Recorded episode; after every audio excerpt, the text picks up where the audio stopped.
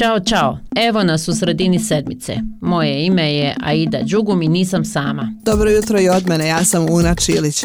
A ovo su neke od aktualnosti za srijedu 19. aprila. 1, 2, 3, 4.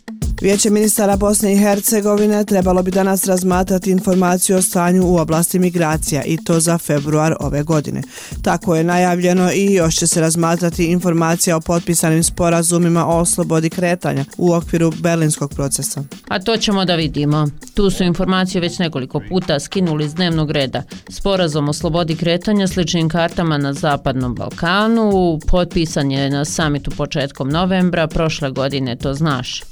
Znam, znam. A time bi se omogućilo građanima prije svega BiH i Kosova da putuju bez viza, jer se jedino između ove dvije zemlje ne može putovati sa ličnim kartama. Ali tome se protive stranke iz Republike Srpske na čelu sa Savezom nezavisnih socijaldemokrata, iako je tadašnji predsjedavajući vijeća ministara, a sadašnji ministar financija Zoran Tegeltija potpisao sporazum i on je iz SNSD-a. A Kosovo je sporazum ratificiralo još u februaru, a rok da ga usvoje parlamenti preostali pet zemalja je 18 mjeseci. A u BiH sporazum mora odobriti vijeće ministara, pa nakon toga tročlano predsjedništvo BiH.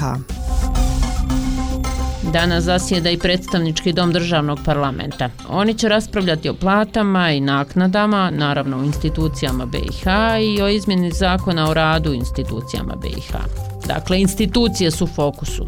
A u prvom čitanju će razmatrati i dopunu krivičnog zakona kojim se predviđa kažnjavanje narušavanja suvereniteta Bosne i Hercegovine. Ustavopravna komisija ranije nije utvrdila usklađeno sa Ustavom BiH i pravnim sistemom BiH, a predlagač Milan Dunović o tome je rekao.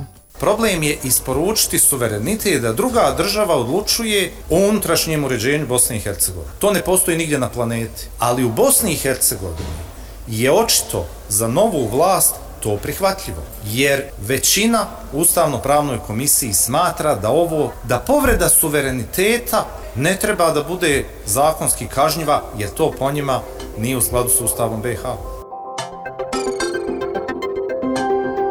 E, a znaš šta još ima, a mene malo brine, a onda mi se svi smiju i kažu da sam paranoična. pa šta? Pa AI, umjetna inteligencija.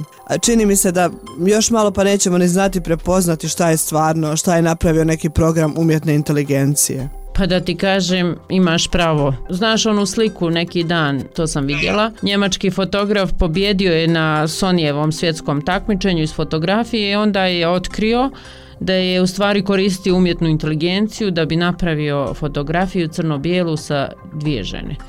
A evo koje je objašnjenje dao taj fotograf Boris Eldaksen. Želio sam vidjeti da li su takmičenja spremne za fotografije vještačke inteligencije. Nisu. Pa ja, ali nisu samo ni slike problematične chat GPT.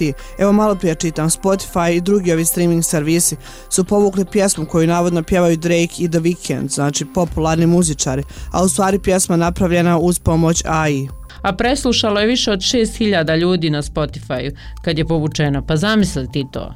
Pa eto, jel sad ja znam što sam zabrinuta. Ali hajde da privedemo kraju. Obratite pažnju vi na sadržaj na internetu i slušajte nas opet sutra. Ćao. Ćao, čao.